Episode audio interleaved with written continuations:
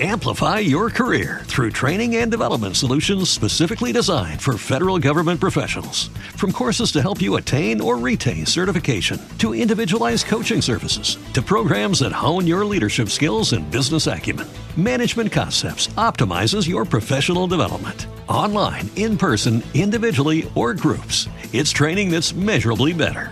Learn more at managementconcepts.com. That's managementconcepts.com.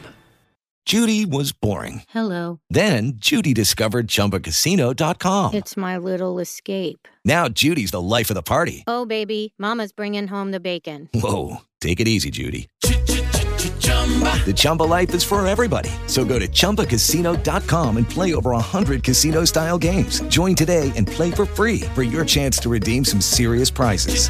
chumba ChumbaCasino.com. No purchase necessary. Void where prohibited by law. 18 plus terms and conditions apply. See website for details. Yol əhvalatının qonağı Səbinə Mustafayevadır.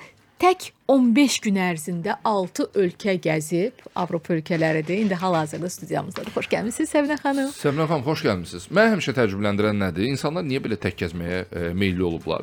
Siz necə bu tək e, səyahəti reallaşdırmısınız? Salam, xoş gördüm. Ümumi belə qeyd edeyim ki, mənim səyahətlərim həmişə ya tək olub, sadəcə bu səyahət yox, bundan öncə də tək səyahət təcrübəm olub. Təbii ki, dostlarla və ailə ilə də səyahət edirəm. Əslində siz çox çox doğru qeyd etdiniz ki, bəzən düşünürsüz ki, insanın ürəyi sıxılar və başqa hər hansı narahatlıqlar ola bilər. Buna görə çox insan ə, kimləsə səyahət etməyi seçir. Amma mənim şəxsi təcrübəmə görə həmişə mən deyə bilərəm ki, tək səyahət etmək ən ideal səyahət növüdür. Ə, Hətta bunu bir dəfə yoxlayan insan düşünürəm ki, həyatının bəlkə də sonuna qədər ancaq tək, Tək səyahət etməyə meylli olacaq.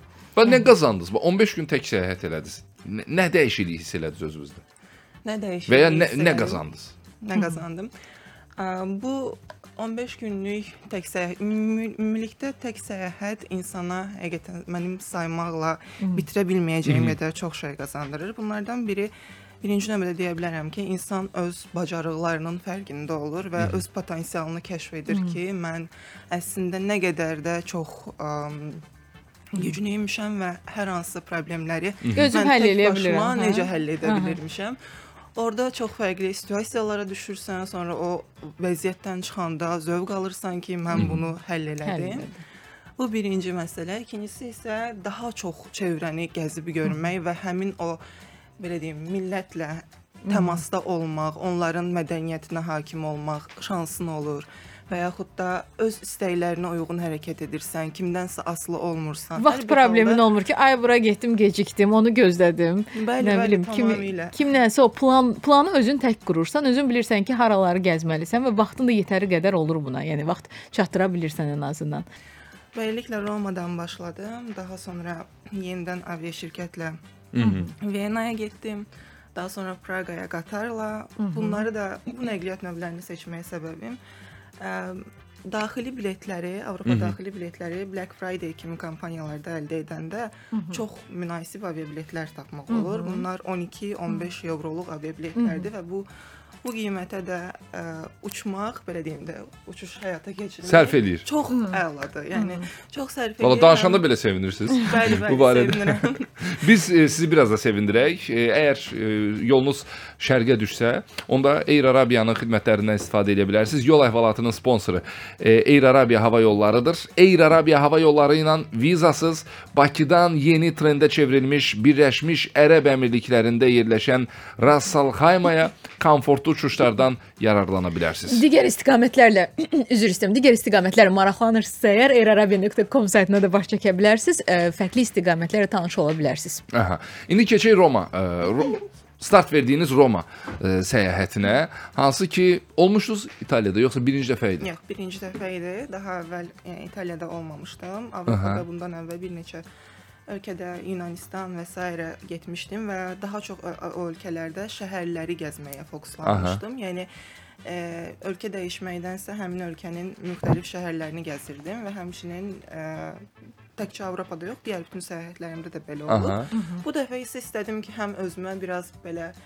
Ə, Biraz mədəniyyət- mikrofona yaxın əyləşin. Həm istədim ki, özümə biraz belə bir mədəniyyət şoku yaşadım. Fərqli mədəniyyətlərlə eyni yaxın periodlarda tanış olum, görüm hansında nə fərqlər var. Bunları o an müşahidə edim. Buna görə belə bir marşrut cızdım. Neçə gün qaldınız Romada? Romada 2 gün yarım total vaxtım 2 oldu. gün yarım Romada haraları gəzməyə bəs elədi. Demək olar ki, şəhərdə bir yer, bir qaleriya, park qaleriya xaric si- çıxardığım siyahıdakı hər yeri gəzməyə vaxtım kifayət etdi. Siz Aha. turistik siyahı çıxartmışdınız, yoxsa e, hamının getmədiyi və sizin xüsusən araşdırdığınız və sadəcə Romalıların bildi- bildiyi yerlərə getdiniz? Ə, Əslində sizin ikinci dediyiniz, çünki mən çox da turistik yerləri yox, həmin xalqın, əhalinin özünün getdiyi yerlərə getməyi sevirəm ki, çünki turistik yerlərdə onsuz da biz ə, o xalqla, o mədəniyyətlə çox da təmasda olmuruq. Amma Səbinə xanım, əgər Romadan danışırıqsa, Romanın turistik yerləri də birbaşa tarixə bağlıdır. Romaya da gedib tarixi görməmək olmur. Sən məni axı. danlamayın. Mən o vədə demədim ki, mən dedim yəni fərqli yerlərə getdiniz yoxsa yox? anladım sən nə demək. Yox, mən də anladım. Təbii ki, o turistik yerlərə də getdim. Demək istədiyim, yəni əlavələr də mən standart siyahı ilə hərəkət etmədim. Yəni hər bir halda özümün araşdırdığım yerlərə getdim. Onda bölüşün bizlə. Biz də bilək. O Ə, Romaya mən- yolu düşənlər olsa yaza doğru çox adam gedir ha bizdən də. Romaya yol düşənlər olsa, orada ə, xüsusən bəzi restoranlar var ki, o siyahıları mən istərəm ki, bölüşüm həmin restoranlar.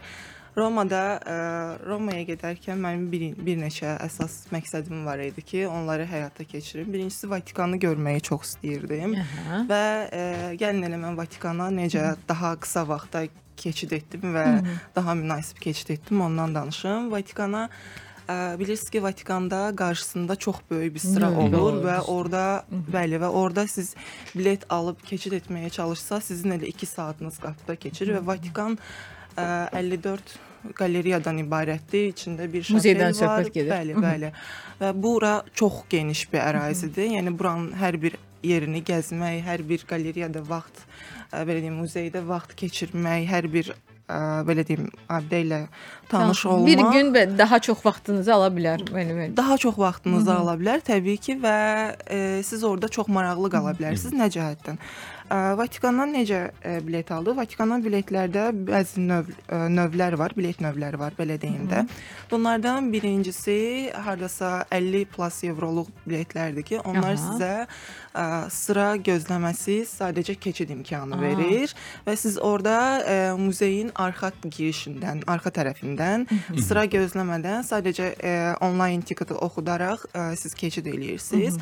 Bunu da ə, Vatikana aid elə Romaya aid bir veb sayt var. Ə, Visit Roma deyə keçir sayt. Aha. Oradan ala bil əldə edə bilərsiniz və yaxud da ə, bir ikinci bilet növü var ki, bu hardasa 30 evroluq aviat Aha. 30 evroluq biletlərdir. Bunlar isə siz e, müəyyən qədər gözləyirsiniz, amma çox da gözləmirsiniz. Yəni Aha. o biletləri də yenə də az aza alan olur. Aha, Ona görə də- fərqi nədir ki, bəs o biletin o digərindən? Bəlkə e, o bilet sadəcə içəriyə giriş biletidir ki, əvvəlcədən artıq bileti alırsan, sıra gözləyib canlı növbədə Bəli, bileti bəli, almırsan. bəli. Biletini alırsan sadəcə olaraq bileti alanların siyahısında gözləyirsən. Eynən, bileti eynən. almayanların yox. Eynən bilet alanların siyahısında gözlədiyinə görə də nisbətən daha tez keçid edirsən və gəl gör ki, bilet almadan sırada gözləyirsənsə dəhşət 2 bir sıra saat olur. Mənim ə, Afinada Akropolisdə başıma gəlmişdi. Bilet almadan getmişdim və Aha.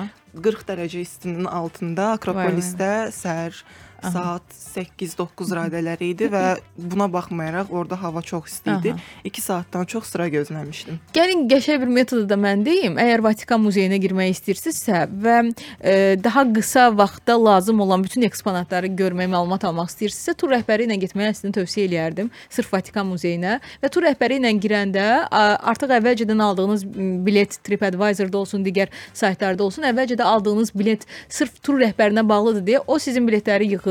Yəni orada insanların siyahıda, səhv etmirəmsə pasportla getmək lazımdır özdə ora. Ə, orada yığır onu, gedir özü və birbaşa keçirir. Heç bir şəkildə gözləmirsən. Ümumiyyətlə sırada gözləmirsən. E, danışdıqdan keçirdir, bəli. Kənar kənar yolla keçirdir. Yəni tur rəhbəri ilə getməyin belə üstünlüyü olur sırf Vatikan muzeyinə. Bu belə. Bəli. Bir çox yerə əslində tur rəhbəri ilə getməyin üstünlüyü olur. Sadəcə mən özümə söz vermişdim ki, mən səyahəti başdan sona tək Tək edəcəm. eləyəcəm heç kim olmaz. Təbii ki, yox, təbii ki, müəyyən şəhərlərdə görüşdüyüm dostlarım oldu və yaxud da orada tanış olduğum kimlərsə oldu, amma nəticə etibarilə istəyirdim ki, sırf o turistik yerləri tək başıma gəzim. Buna görə də mən tur rəhbərindən və yaxud da şəhər daxili turlardan istifadə etməliyəm. Dediniz restoranlar, e, İtaliyada, e, İtaliyada, Romada. Restoran adı işlən Hə, kimi. rest- Nə olur? Yəni dedim, yəni bir danışaq görək hansı restoranlardır ki, belə dediniz məhz Romada ə, Məsləhətdir. Məsləhət. Yəni maksimum pizza və pasta verilən restoranlar olacaq, güman edirəm. Bəli, tamamilə elədir. Əslində çox insanın getdiyi və bəlkə də səsləndirdiyi məsələdir. Əslində mən restoranlar məsələsinə çox keçid etmək istəmirdim, çünki düşünürəm ki, artıq insanlar xüsusən Romaya gedənlər bu barədə kifayət qədər məncə məlumatlıdır və onlar artıq internet o qədər əl çatandır ki, insanlar bütün məlumatları rahatlıqla tapa bilir. Sadəcə mən xüsusi məsləhət görmək istəyərdim ki, əgər Romaya gedirsinizsə, ə, mütləq Napoli üsulu pizza yeyin. Əslində Na Napoliyə getmə imkanınız varsa, orada gedib yesəz daha əla olar. Bəli, Neapoldan. Amma Romanın özündə də Neapol üsulu pizza hazırlayan ə, Yerlər var. restoranlar kifayət qədər çoxdur. Ə, Xüsusən bunlar Panteonun arxasındakı sırada olan restoranlar var ki, orada ə, demək olar o cərgədəki bütün restoranlara keçid eləsəz, hər birində Neapol üsulu pizzalar var və çox ləzzətlidir. Mən bir şey soruşum sizdən. Aha. İkiniz də İtaliyada olmusunuz, Nərmin də sizdə. Bu Neapol üsulu pizzanın ə, digər üsullu pizzalardan fərqi nədədir? Yəni bunu hiss edirsiniz yoxsa sadəcə adı dəyişib? Mənim bir dənə bildiyim Neapol üs- üsulu xüsusi pizza var. O da qızardılmış pizzadır ki, o ona fərqli. Düz Neapolda pizza yaranıb, həmin o Margaritadan, Margaritadan söhbət, Margaritadan söhbət gedir. Bu Neapolda yaranıb.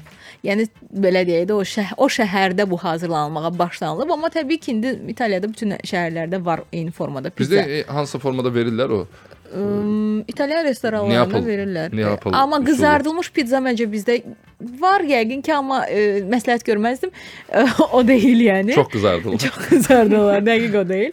Ə, Amma Neapolda xüsusi pizza növü var ki, müharibə dövründə başlayıblar hazırlamağa. Bu qızardılmış pizzadır. Bilmirəm siz onun dadına baxdınız? Bəli, elə məhz ondan danışıram əslində. O pizzanı siz Romada da sınaya bilərsiniz və yaxud da İtaliyanın başqa şəhərlərində də mütləq məsləhət görürəm ki, əgər pizza yeməyə İtaliyaya gedirsinizsə, məhz o növü yoxlayın ki, həm biraz da fərqlilik Fərqli olsun. Eynən. Və e, tiramisu, tiramisu Oo. İtaliyada tiramisu yemək Ac vaxtımızda başladıq yeməklə. Mən orada e, mütəmadi tiramisu yeyə biləcəyim yerləri araşdırırdım. Bunlardan e, ikisi e, çıxmışdı qarşıma ən çox ən məşhur və insanların mütəmadi təriflədiyi. Aha. Bunlardan biri e, two size idi, digəri isə e, Pompey idi, səhv etmirəmsə, bəli Pompey. E, bunlardan daha çox two size insanlar, turistlər mütəmadi çox tərifləyirdilər. Restoran adıdır. Bəli, Aha. bəli.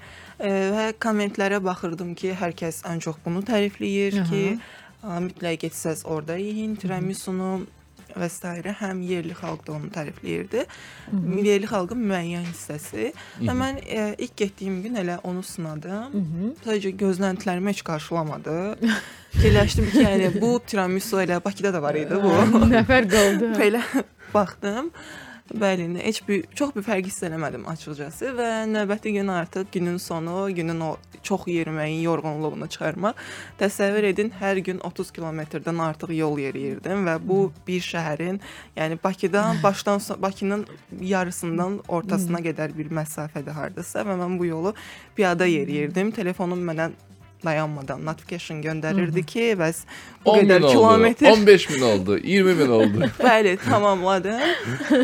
Və həmin yorğun günün sonunda getdim ki, Pompidə bir ə, ben tiramisu yeyim və doğrudan da artıq orada anladım ki, həqiqətən bu tiramisunun burada bir fərqi Bu var başqa imiş. tiramisu. Bu başqadır. Nə necə idi?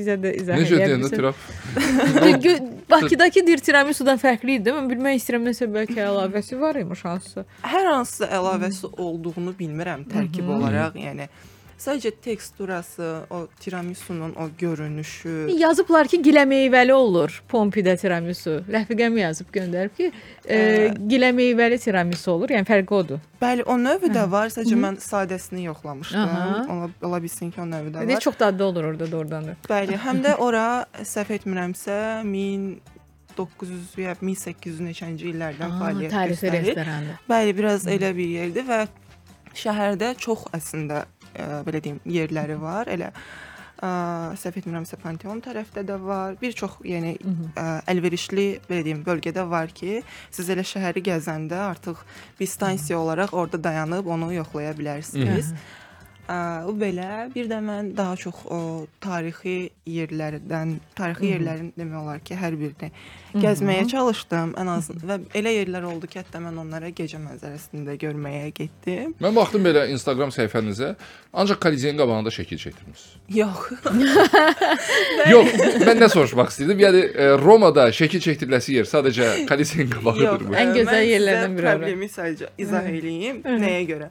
Tək səyahət edəndə insan şəkil çəkdirməkdən əziyyət çəkir. Heç kim olmur şəkildə. Heç kim olmur şəkil çəkməyə və e, tripodla da telefonu bir yerə yerləşdirib çəkə bilmirsiniz. Qorxursan. Elə bu məsələdən danışım. Hə, bu məncə vacib məsələdir. İnsanlara bu lazım ola bilər. Elə şəhərlər var ki, bəli, onlarda daha stabildir mühit və orada siz telefonu rahatlıqla yerləşdirib və yaxud da birindən xahiş edib çəkdirə bilərsiniz. Amma xüsusən İtaliya, İspaniya kimi ölkələr bu barədə çox təhlükəlidir. Aha. Yəni telefonu normal biri kimi qəbul edib kiməsə versəz və o şəklinizi çəkmənizi istəsələr, hətta ə, o telefonu alıb gedə bilər və yaxud da tripodla Telefon yerləşdirsəz. görüşün olacaq. Bəli, tripodla yerləşdirsəz və biraz arxaya çəkilsəz, tripod qarışıq telefonu götürüb gedərlər. Yəni bu situasiyada insan şəkil çəkdirə bilmir və mən bütün səyahət boyunca maksimum ancaq story kontentləri çıxara bilmişəm və ə, storylərdə danışmışam, video çəkmişəm, foto çəkmişəm, yəni bu formada.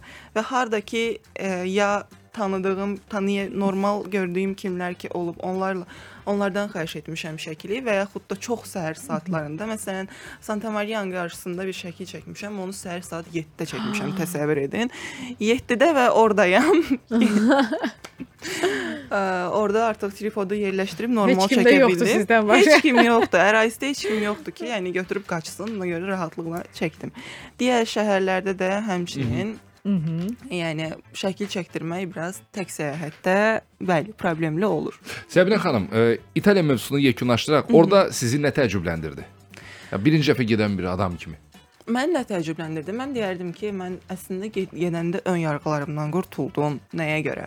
Çünki e, mütəmadi mən araşdırırdım və insanların hər hansısa mən daha çox bir yerə gedəndə ora haqqında müsbət rəylərdən çox neqativlərə baxan insanam ki, görüm orada məni nə qarşılaya bilər və mən İtaliya haqqında daha çox neqativlər görürdüm ki, e, millət olaraq italyanlar çox soyuqdur və yaxud da Soyuqdur. Ə, bəziləri elə qeyd elirdi və yaxud da onlar çox vaxt dəstək olmurlar nələrdəsə. Mənim şəxsi çevrəmdə gördüyüm insanlar da bu təəssüratlarla qayıdırdı və birbaşa mənə bunları danışırdı.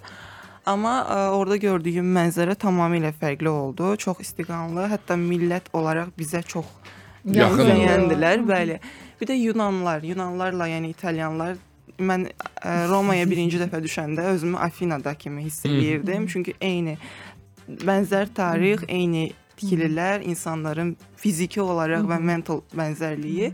Bu belə bir təəssürat. Yəni mənim orada təəssüratlarım sadəcə o oldu ki, mən ön yarğılarımdan qurtuldum və onların əslində bizə nə qədər yaxın, əslində nə qədər istiqanlı insanlar olduğunu gördüm. Sadəcə bir məsələ var ki, İtalyanlar bəzən bəzən bir çoxu, xüsusən də yaşlı təbəqə ingiliscə danışmaqdan tamamilə çəkinirlər, çəkinirlər. Hətta onlarla. İspanca ünsiyyət quranda onlar daha çox cavab verirlər sizə. İspanları xüsusilə sevirlər, o dildə danışmağa cəhd eləyirlər, həm dilləri yaxındır. Yəni orada mən bəzi sifarişləri və s. İspanca verirdim və onlar ona daha yaxşı reaksiya verirdilər. Bir də e, İtalyanlardan bəzilərin bəzilərində belə bir şey müşahidə etdim ki, ingiliscə bilib də danışmayanları da var. Onlar bəzi kəsim müəyyən qədər sevmir ingilisləri və ingilis dilini. Belə bir halla da qarşılaşa bilərsiniz, amma ümumi olaraq çox isti qanlıdılar. Hətta restoranlardan birinin qarşısından keçirdim. Gecə saatlarıdır. Hardasa gecə dediyim çox da yox, 11-12 saatlarıdır. Video çəkirəm və sadəcə həmin orada işləyən soruşur ki, haralısan? Cavab verdim və da içəri dəvət edib, yəni prosecco və sair deyim ikram etdilər. Bu cəhətdən də çox ə, istiqanlıdılar, bunu edəndirlər. Hətta elə bir restoran olur ki, girdim orada kofe və kruasan alıram. Sadəcə onu da yəni free təqdim etdilər və onlarda sözü indi tam xatırlamıram. Ə, belə deyim, ikram mənasına gələn bir ifadə var. Onu işlədirlər və sizdən pul almırlar. Bu hallarla da qarşılaşdım. Yəni e, tamamilə təəssüratlarım hamısı pozitivdir və çox sevindim ki, o düşün mənə deyilən o neqativləri aşdım. Aha. Onu keçi Avstriyaya. Yoxsa yox? Keçək Avstriyaya. 6 Yəni- ölkədə olmusunuz da. Bəli. İndi mən Avstriya Müddəti- dedim, bu seçim mənim olmamalıdır. Təbii ki, siz özünüz də seçə bilərsiniz. Hansı rahatdır və hansı ilə bağlı daha maraqlı e, məsələlər var, ona o ölkəyə keçid alaq. Olar, yəni elə Avstriyaya keçid ala bilərik. Viyana, Viyana Viyanada 2 gün keçirdim. Burada tam dolu-dolu 2 gün və deyə bilərəm ki, həyatımda gördüyüm ən gözəl şəhərlərdən biri idi. Viyana açıq hava muzeyidir, yəni demək olar tamamilə. Ə, biraz oradakı o yerli xalqdan danışım. Bilirsiniz ki, German, yəni onlardır və Onların yanında deməyin amma bunu. Avstriyalıların yanında bəli. onlara Alman deməkdir. biz də deməməliyik təbii ki. E, və mən onları da yenə çox qatı bilirdim və çox vaxt mənim yenə də dediyim ki, mənim deyəsən çevrəmdəki hər kəs bu şəhərlərə gedib və mənə daha çox neqativ Neqativlərlə, xatirələrlə qayıdıblar deyə. Yəni mən onları birbaşa təcrü təcrübə edəndə çox sevinirdim ki, əslində bu belə deyil. Viyanada mən ə, həm gecə saat Romada da həmçinin bir bu arada bir dənə bunu da deyim. Romada gecələr baslar free-dir, yəni pulsuzdur tamamilə. Ə, gecə siz əgər Avtobuslar, yəni Bəli, bəli. ödənişsizdir. Avtobuslar ödənişsizdir. Əgər gecə ə, gəzsəniz və təkrar otelə və sair qayıtmalı olsaz, rahatlıqla bundan istifadə edə bilərsiniz. Tamamilə, yəni təmənnasızdır. Qayıdaq Viyanaya. Viyanada ə, mən gəzəndə Hər şey puldur. Yəni iki qatardır. Viyana getdiyim ən bahalı şəhər idi deyə bilərəm ki, hətta bu özünü, yəni aeroportdan şəhər mərkəzinə gedəndə belə göstərdi ki, ə, artıq oradakı o nəqliyyat xərci 2 qatdır digərlərinə nisbətən. Ancaq ə, bunu deyərəm ki, sizin Viyanada ə, sərf edəcəyiniz büdcəyə tamamilə dəyər. Yəni o şəhərə mütləq gedin və mümkün qədər çox qalın. Ə, Mümkün qədər çox xərcləyin. Çox qalın və çox xərcləyin oradakı hər şeyin ə, Dadını çıxarın. dadını çıxarasınız. Ə, xüsusən bunu belə deyim, ən çox gələn suallardan biri də bu idi ki, səyahət planını elə qurmusan ki, hər yerə 2 gün, 2 gün vaxt qalır və şəhərin ə, ab-havasını hiss eləmək məsələsi var. Düzdür. Mənim seçdiyim şəhərlər nisbətən, yəni elə şəhərlər idi ki, mən bunlarda vaxtımı düzgün bölüb başdan sona gəzə bilirdim. Hətta Praqa, Praqanı başdan sona 8 saatda gəzmək olur. Belə bir fakt faktor var. Sadəcə şəhərin ruhunu hiss eləmək üçün bəli, o məsələyə qa- qa- qatılıram ki, insanın daha çox vaxtı olsa, o şəhərdə biraz passiv də vaxt keçirsə, daha çox həm insanlarla ünsiyyətdə olur, həmçinin də əm, şəhərin ümumi atmosferini daha yaxşı hiss eləyə bilir. Viyanada ə, xüsusən gəzəndə insan ən çox məni təəccübləndirən insanlar çox zarafatçıldır. Hətta orada bir-iki dəfə bir-iki situasiya oldu ki, bəlkə də bu tək gəzənlərin başına gəlir daha çox.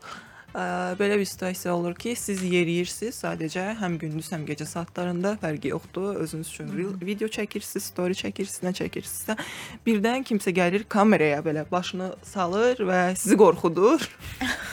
Düşünürsüz ki, yəqin ki, yə, yəqin ki, yəni nəsə sizdən oğurlayacaq, nəsə sizdən götürəcək və s. amma sonra sizə gülür və uzaqlaşır. Çox zarafat. belə bir Sonra bizi qınayırlar. Pozitiv Bizi zarafatlarımıza görə qınayırlar sonra. belə bir zarafatları var. Yoxsa gəlir məsələn gecə saatlarında yeriyirəm orada ə, əsas küçələrdən birində və gecə saatlarıdır, artıq 2-ni keçib hardasa və yanımda idman geyimində, amma qara idman geyimində kimsə sürətlə qaçaraq uzaqlaşır və bu anda bir panikaya düşürsən, artıq sumkanı, telefonunu və s. belə gizlədirsən ki, ə, hər hansı neqativ hal olmasın, amma o yanınızdan qaçaraq uzaqlaşır, sonra bir hardasa 1 metr sonra dayanır və deyir ki, zarafat eləyirdim. Yəni nəsə belə bir ifadə işlədir. Səni qorxudurdum. Sonra qərb deyirsiniz. Belə yəni, Avropa mədəniyyəti deyirsiniz. Nə oldu? yəni belə hallarla qarşılaşa bilərsiniz. Bəlkə də deyirəm, hamının başına gəlir demirəm. Yəni bəlkə də xüsusən tək gəzənlərin və turist olduğunu məlum elədikləri insanlara bunu edirlər. Amma belə maraqlı bir xatirə olaraq qalır. Amma bunun yanında bəlkə də ən güvənli şə- şəhərlərdən şəhərlərdən biridir. Bəli, təhlükəsiz və güvənli şəhərlərdən biridir. Sadəcə insanlara belə zarafatçılıqlar. Olsun. Bu da müsbət, e, müsbətdir öz özlüyündə. Bəli, bəli. Hara gedək Viyanada? Viyanada hara gedək? Viyanada ə, yenə çox belə bəlkə də standart olacaq, amma mən də belə fikirləşirdim. Sadəcə gedəndə gördüm, Cafe Centrala mütləq gedin. Düzdür, qarşısında yenə çox sıra olur orada, amma ə, o sıranı da gözləməyə dəyər. Mütləq ora gedin. Və orada Bilet almamışsınız qabaqcadan. Yox, ə, Cafe Central ə, bildiyimiz bir restorandır və oranın müəyyən bir tarixi var. Alburq sarayının daha əvvəllər həmin illərdə ə, belə deyim, mət sadə dillə isə mətbəxi olaraq fəaliyyət göstərib Aa. və saray ailəsinə onlar həmin o restoranda qidalar bişib və həm şirniyyatlar, həm də digər qidalar. Və Bu Cafe görə də- ım, opera binasının yanındakı binadır. Bəli, yoxsa? bəli, Aa, odur. hə bildim hansı. Hansı ki orada məşhur şokoladlı tort. Tortun adı yadımdan çıxdı. Viyanaya aid olan. Bəli, Viyanaya aid olan, ümumiyyətlə Avstriyaya aid olan şirniyyatlar çoxdur. Hətta mən bunu qeyd eləyəcəydim ki, əgər Cafe Centrala gedirsinizsə daha çox şirniyyat dadın. Orada cürbəcür şirniyyatlar var və almalı qəribə bir Piroqlar. piroqları var. Onu dadın. Im, adı Yadıma yadımdan düşməyəcək. çıxdı bir dəqiqə bir dəqiqə. Keçən də demişdim. Mənim yadımdadır amma də deməyəcəm. çıxdı. Sizin də yadınızdan çıxıb. Lap yaxşı. Strudel, strudel, strudel deyil təsadüfən. Bildim. Nəysə, ə, yadımıza salaraq təxminən düz dedin Nərmin. Məncə təxmini düz dedin. Ə, bu arada həmin o ə, şirniyyat tapdın. Dedim. Strudeldi. Bəli. Dedim də strudel. Almalı piroq. Bu arada ə, bu ə, restoranları, yemək içmə, mən bilən ə, Avstriyanın özünə məxsus belə dərin bir mətbəxi yoxdur. Qatılıram, yoxdur. Orada sadəcə Belə şnitzel var. Nə var? Şnitzel. Aha. yəni Viyanaya gedən mütləq şəkildə şnitzel yeyir. Bunu Onun tərkibi nə idi? Toyuq əti e, üzərində qızartmaq üçün hansısa bir maddə. Yəni belə deyək. olur və toyuq bildiyimiz toyuq ətidir. yoxdur. qızartmasıdır. Toyuq əti, hə, üzərini sadəcə olaraq qızartmaq üçün, e, yəni üzərinə nəsə çəkirlər ki, yaxşı qızarsın, belə izah eləyim. tam qızarır, belə sarı bir Aha. rəngdə olur, belə deyim. Xırçıldayır. Hə, Xırçıldayır, bəli. Viyanaya, Avstriyaya gedənlər xüsusən mütləq şnitzel yeyir Hə. və orada xüsusi o şnitzel restoranları var. Çox məşhurdular adları. Hətta insanlara çox tövsiyə olunur ki, şnitseli bunlarda yeyin. Almanlar Mən- deyir bizimdə, onlar da deyir. Hə, Avstriyalılarda deyir bizimdə. Və e, Viyanada ə, əsasən mən bu şnitseli yox, mən şnitsel burger yedim. Ya biraz fərqlilik eləmək istədim. Şnitsel burgeri ə, orada bir yer var. Le Burger deyə bir yer. Əslində çox adam ora sadəcə bir, bir burger house olaraq yanaşır və düşünür ki, yaxşı olmur orada nələrsə, amma doğrudan da Viyanadakı ən dadlı yeməklər və ən dadlı burgerlərdən birini orada dada bilərsiniz. Və bu şnitsel burgerdir, sonra daha çox içki növləridir və s. Orada çox yaxşı olur. Məsləhət görürəm ki, ora getmək olar. Və ə, tarixi yerlərdəki həmçinin bunlar hər biri bizi şəhər mərkəzində qarşılayır. Təbii ki, ə, Stefan katedralına qarşısında ge- qarşısında gəzin, ora bir ümumi atmosferə nəzər yetirin, ora binanın o əzəmətinə baxın, hətta imkan olsa içinə daxil olun və Mütləq orada işini görün, mütləq. 350 deyəsən, Heykəl. 350 stepli bir pləkan, Pləkan var. var. Bəli, bəli. Mən düz ona qalxmadım. Çünki ayaqlarım o vəziyyətdə değildi. Çünki çox yer- yuxarısına yemişdim. qalxmaq üçün, tavanı Aha. yuxarı yuxarıdan şəhərin mənzərəsini seyr etmək Bəli, üçün. bəli. aha. Yuxarıdan şəhərin mənzərəsi deyilənə görə mən olmamışam.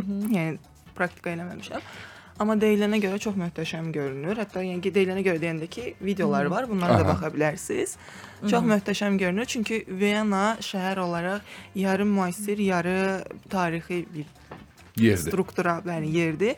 Və siz ə, bir hardasa yeni bir müasir bir binanın yanından keçəndə biraz arxasında sizi çox tarixi bir bina qarşılayır və siz onun görüntüsü ilə ə, şok keçirirsiniz ki, bu burada, bu görüntüdə, yəni insana çox yaxşı bir hiss ötürür. Bunu demək istəyirdim. Hər yerdə klassik musiqinin səsi gəlir yəqin. Bəli, klassik musiqinin səsi, opera konsertləri haqqında danışılır. Hətta o Stefan Kafedralının yanında. Hə, burada mən bir məsələni deyim. Orada ə, Stefan Kafedralının yanında bəyim qırmızı geyimdə hardasa Osmanlı dövrünün o köhnə yeniçərilərinin geyimini xatırladan bir geyimdə ona bənzər, mən bənzədirəm. Geyimdə e, insanlar olur. Onlar e, operaya biletlər satmağa çalışırlar və hətta hamıya yaxınlaşıb o biletləri satmağa çalışırlar. Demək olar ki, hər gündə hər hansısa bir konsert olur orada. Və siz onlara yaxınlaşsaz, ilk dəfə dedikləri qiyməti yox. Məsələn, ilk dəfə 20 avroya sizə bilet deyirsə, siz onlarla danışıb Bazarlıq eləyə bilərsən. daha bazarlıq edə bilərsiniz və o- bunlar özlərinə də xoşlarına gəlir. və siz e, daha yaxşı o biletlər tapıb gedə bilərsiniz. Belə Şəhəri faytonla gəzə bilərsiniz yəqin ki. şəhəri faytonla gəzmək əladır. Gəzdiniz? Mən mən Gəzəmədim. gəzmədim çünki mən biraz o fayton Fobiya. fobiyam Fobiya yoxdur. yox, Sadəcə istəməzdim ki, o faytonlar Atlar istifadə görə- bu formada. Bəli, bəli. Sadəcə bu mövzuda da çox şey demək Mənə də maraqlıdır ki, mən Viyanada görəndə onu məsələn Avropa filan əslində heyvanların qorunması belə bir çox hallarla rastlaşırıq, amma Viyanada şəhərin tam mərkəzində göbəyində, Stefan Kate- katedralının yanında e, faytonlar. qarşısında Aha. hər yerdə. Faytonlar hərəkət var. edirlər, bəli. Bu artıq mədəniyyətdən asılı bir şeydir və onlar Mən daha dəhşətlisini Macarstanda görmüşəm. Ona görə bu mənə o qədər də dəhşətli gəlmir. Nə? Nə görmüsən ki? Macaristanda ə, Segetdə idi səhv etmirəmsə, şəhər, yəni Seget Aha. şəhərində ə, ponilər, ya atlar, amma ponilər. Bu artıq dəhşət. Ponilər ə, bir dəqiqədə ə, karusel kimi canlı karusel yaradıblar ponilər və onlar fırlanırlar, amma canlı atlara bağlayıblar o karuseli. Aha, Yəni bildin taxtaları canlı atlara bağlayıb və onlar fırlanırlar, pul verib uşaqlara oturtdururlar. Ha, ki, bu artıq bu artıq Bu- dəhşət. Çox dəhşətlidir. Ya onu görəndən Bizə- sonra bu fayton mənə şükür. şükürlük Bizə gəl- şükür. gəlmişdi. hə. Səbinə xanım, gedin, gəzin. Uğurlar sizə. Bol-bol materiallar səyahətlər. toplayın. Gedib gələndən sonra bizə bir xəbər edin ki, gəlmişəm. Biz də xəbərimiz olsun, çağıraq sizi təzədən. Çox sağ olun, təşəkkür edirəm. Mənə çox xoş oldu. Bizə də. Çox sağ olun. Təşəkkür edirik ki, dəvətimizi qəbul elədiniz, gəldiniz. Amplify your career through training and development solutions specifically designed for federal government professionals. From courses to help you attain or retain certification, to individualized coaching services, to programs that hone your leadership skills and business acumen, Management Concepts optimizes your professional development. Online, in person, individually, or groups, it's training that's measurably better. Learn more at managementconcepts.com. That's managementconcepts.com. With Lucky Land slots, you can get lucky just about anywhere. Dearly beloved, we are gathered here today to. Has anyone seen the bride and groom? Sorry, sorry, we're here. We were getting lucky in the limo and we lost track of time. No, Lucky Land Casino, with cash prizes that add up quicker than a guest registry. In that case, I pronounce you lucky. Play for free at LuckyLandSlots.com. Daily bonuses are waiting. No purchase necessary. Void where prohibited by law. 18 plus. Terms and conditions apply. See website for details.